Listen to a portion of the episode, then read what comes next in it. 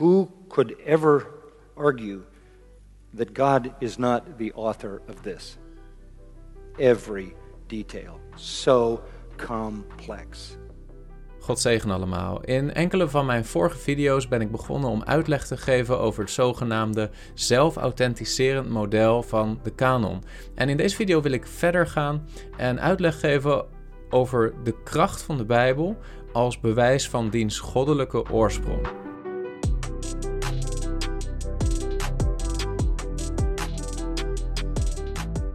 Ga even een korte samenvatting geven van waar we tot nu toe over hebben gehad. Ik heb uh, in eerdere video's uitleg gegeven over verschillende perspectieven op canoniciteit. En dan hebben we het over de vraag: waarom horen nou die 27 boeken die wij vandaag de dag in onze Nieuwtestamentische kanon terugvinden, waarom horen die eigenlijk daarin? Waarom geloven wij dat die geïnspireerd zijn, terwijl andere misschien ook andere vroeg-christelijke documenten niet diezelfde kwaliteit hebben, niet uh, Gods woord zijn, niet door God geïnspireerd zijn, wellicht nuttig, maar niet horen tot het zogenaamde woord van God.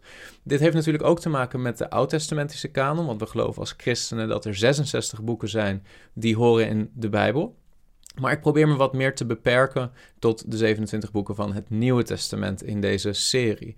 En ik heb uitgelegd dat ik persoonlijk overtuigd ben van het zogenaamde zelfauthenticerend model van canoniciteit. En dat wil zeggen dat het gezag voor de Bijbel, het gezag voor wat het woord van God is, niet ergens buiten het woord zelf kan rusten of buiten God zelf, niet in onze menselijke historische onderzoeksbevindingen, eh, niet in ultieme zin, niet in het gezag van de kerk om de schriften als zodanig te definiëren, maar dat het gezag, het ultieme gezag van het woord van God rust in het woord van God zelf.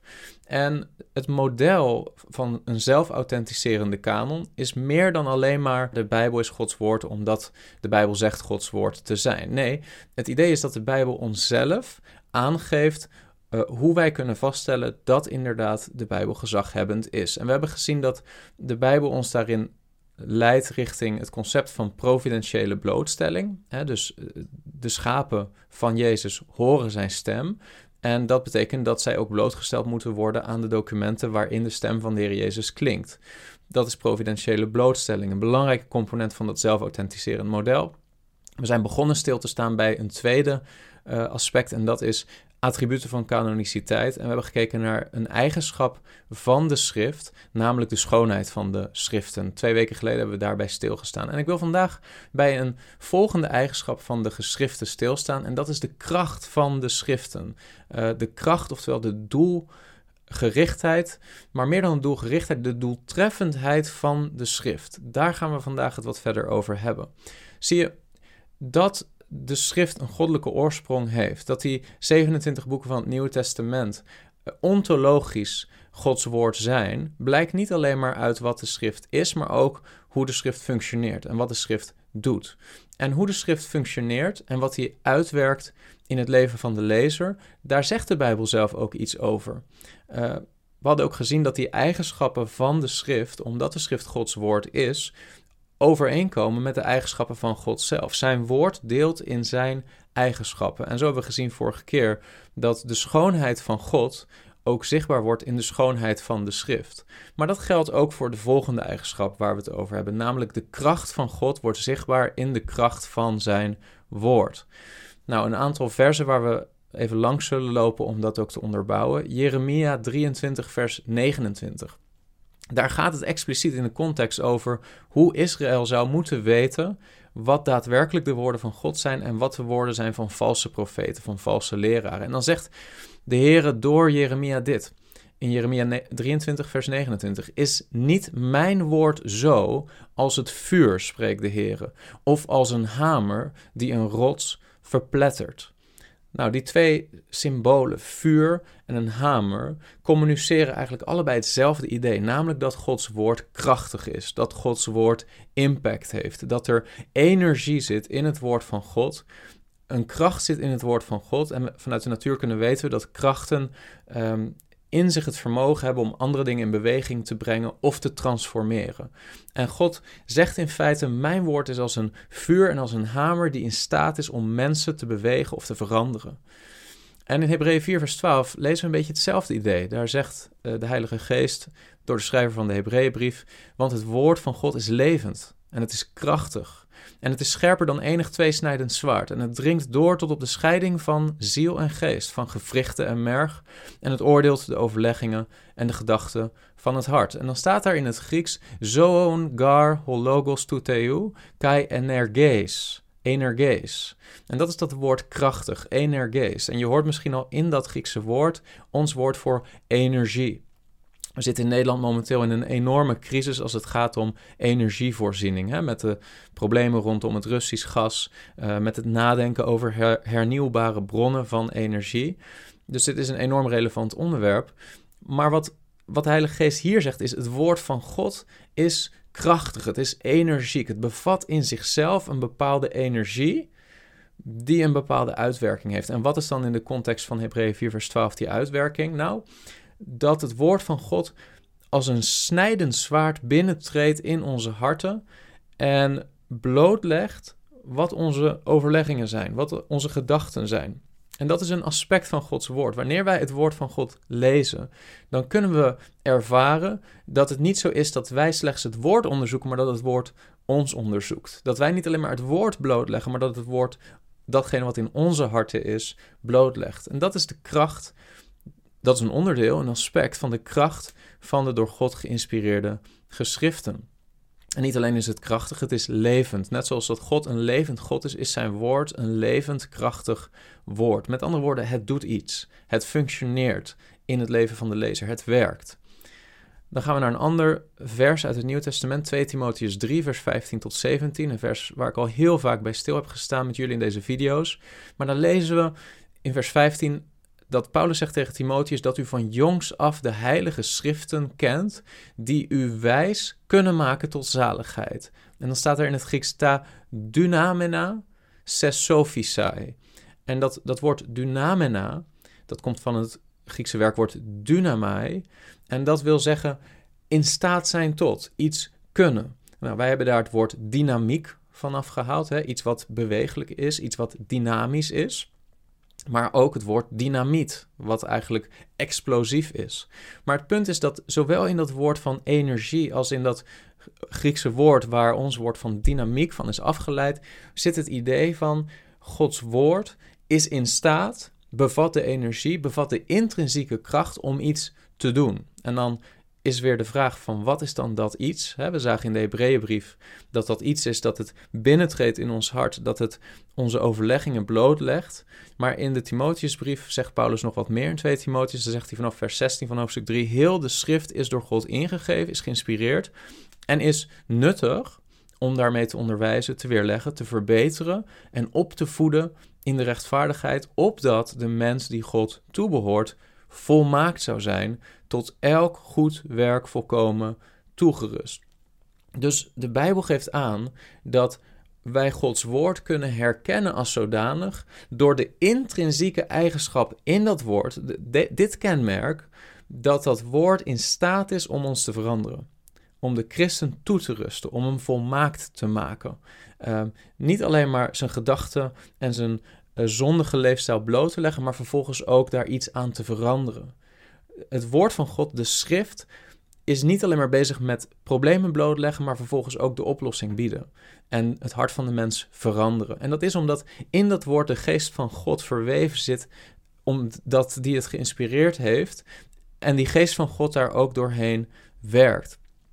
Een bekende theoloog, uh, ik ben niet altijd met hem eens, maar uh, dit citaat zeker wel, is Anti Wright. En die zei: Those who read these writings discovered from very early on. Dus met andere woorden, de mensen die deze geschriften lazen, ontdekten van zeer vroeg af that the books themselves carry the same power, the same authority in action that had characterized the initial preaching of the word. Dus dat de geschriften zelf, dat deze boeken van het Nieuw Testament zelf, dezelfde kracht in zich droegen, dezelfde, hetzelfde gezag in actie, die de oorspronkelijke, de eerste prediking van het woord had gekenmerkt. Dus met andere woorden, N.T. Wright zegt: van vroeg af hebben mensen in de christelijke kerk ontdekt dat die geschriften, de oud-testamentische geschriften, maar ook de nieuw-testamentische geschriften, anders waren dan andere geschriften, omdat ze in zichzelf die intrinsieke kracht hadden.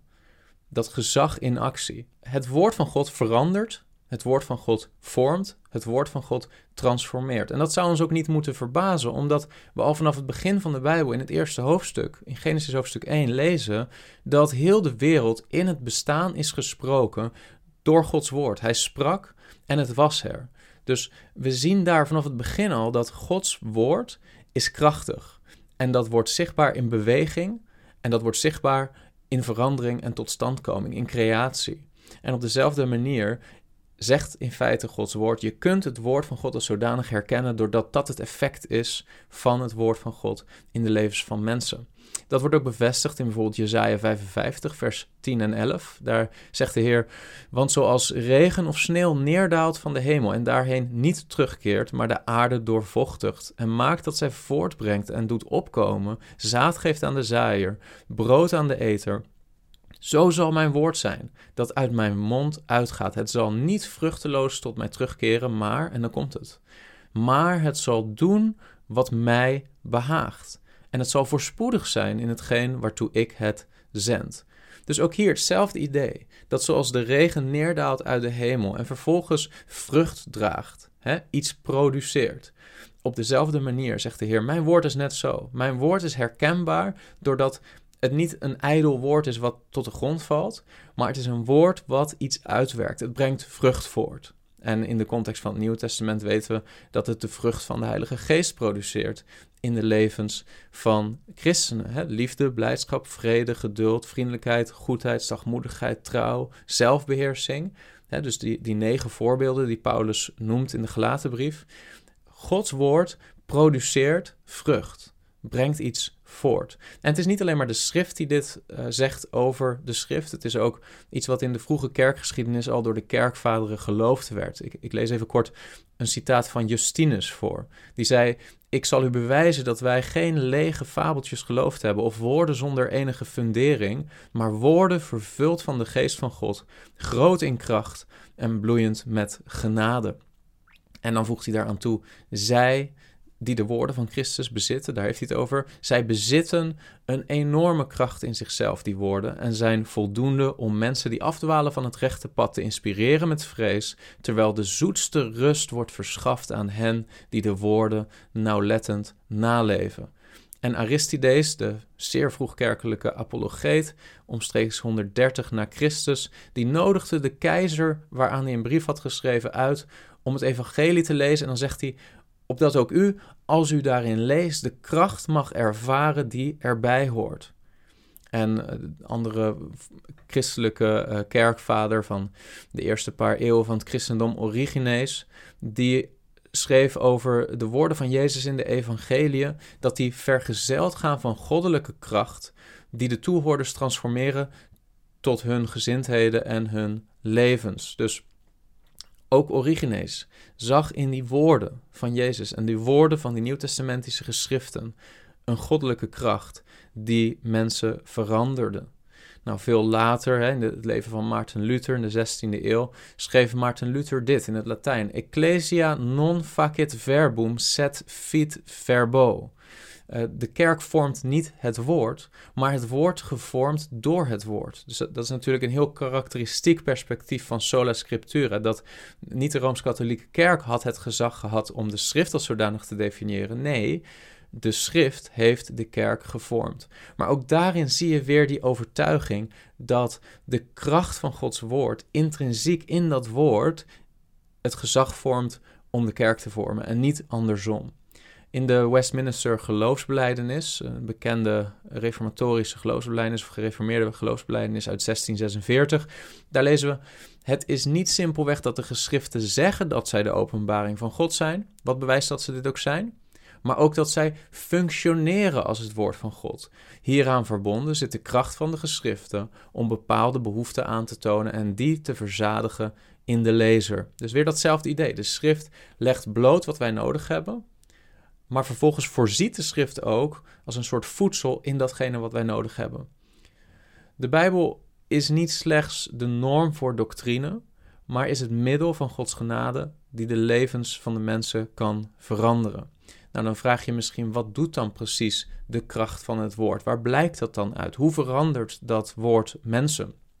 Nou, uh, er zijn heel veel voorbeelden van te noemen. Michael Kruger noemt ook in zijn boek over dat zelfauthenticerend model van de kanon, dat de schrift bijvoorbeeld mensen wijs maakt, dat het licht geeft op de duistere paden van het leven, vreugde geeft aan het hart van mensen die het woord accepteren in hun leven, het geeft rust en vrede aan de mens, het legt zonde en schuld bloot, het leidt tot voorspoed en zegen.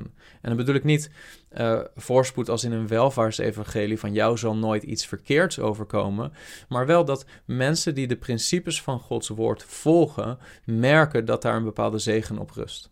Dat er een zegen rust op een christelijke leefstijl. Dus een hele hoop wat ik nu zeg. Maar als je heel simpel een voorbeeld zoekt van wat betekent dit nu precies, dan zou je het voorbeeld van een medicijn kunnen gebruiken. Sommige medicijnen, bijvoorbeeld paracetamol, doen misschien wel iets goeds, maar bevatten niet de intrinsieke kracht om een ernstige ziekte, zoals bijvoorbeeld een septische longontsteking, te genezen. Maar er zijn andere pillen ontdekt, gelukkig, uh, zoals antibiotica, die intrinsiek krachtig zijn om niet alleen maar pijn te stillen, maar, um, en eigenlijk niet primair pijn te stillen, maar het probleem weg te halen, om de longontsteking en de bacteriën die daar de oorzaak voor kunnen zijn, te doden, te overwinnen. Dus sommige pillen hebben een intrinsieke kracht om een probleem op te lossen, om in een behoefte te voorzien en een verandering teweeg te brengen. Terwijl andere pillen misschien ook wel iets van een intrinsieke kracht hebben, misschien wel iets positiefs brengen, maar niet diezelfde kracht hebben, niet diezelfde kwaliteit hebben. En zo kun je het een beetje zien dat wij Gods woord kunnen herkennen doordat de intrinsieke kracht van de door God geïnspireerde documenten om de mens te veranderen veel groter is dan die van niet-kanonieke documenten. En zo is dus Gods woord intrinsiek krachtig om de zondige mens te transformeren tot een heilig mens. En dat soms wordt er wel gezegd, ja, maar dat is het werk van de Heilige Geest. Ja, maar de Heilige Geest verbindt zich aan die door God geïnspireerde schrift. En dat zien we steeds. Dat de Heer Jezus zegt, hij zal uit het mijne nemen, hij zal het u verkondigen. De Geest en het woord, eh, de schrift, werken altijd in verbondenheid samen. Het is de Geest die het woord van God gebruikt om de mensen te overtuigen van zonde, van oordeel, van gerechtigheid en vervolgens ook de mensen doen groeien, de mensen doen voeden. De geest werkt daarin niet geïsoleerd van de schrift. En zo zie je dat niet alleen maar de schoonheid van de schrift als intrinsieke eigenschap getuigenis geeft van de inspiratie, maar ook de kracht van de schrift, de manier waarop de schrift werkt. Ik hoop dat je hier wat aan hebt gehad. God zegen. Heb je iets gehad aan deze video of deze podcast? Druk dan op like. En wil je vaker dit soort apologetische video's zien? Abonneer dan op dit kanaal. Tot de volgende keer.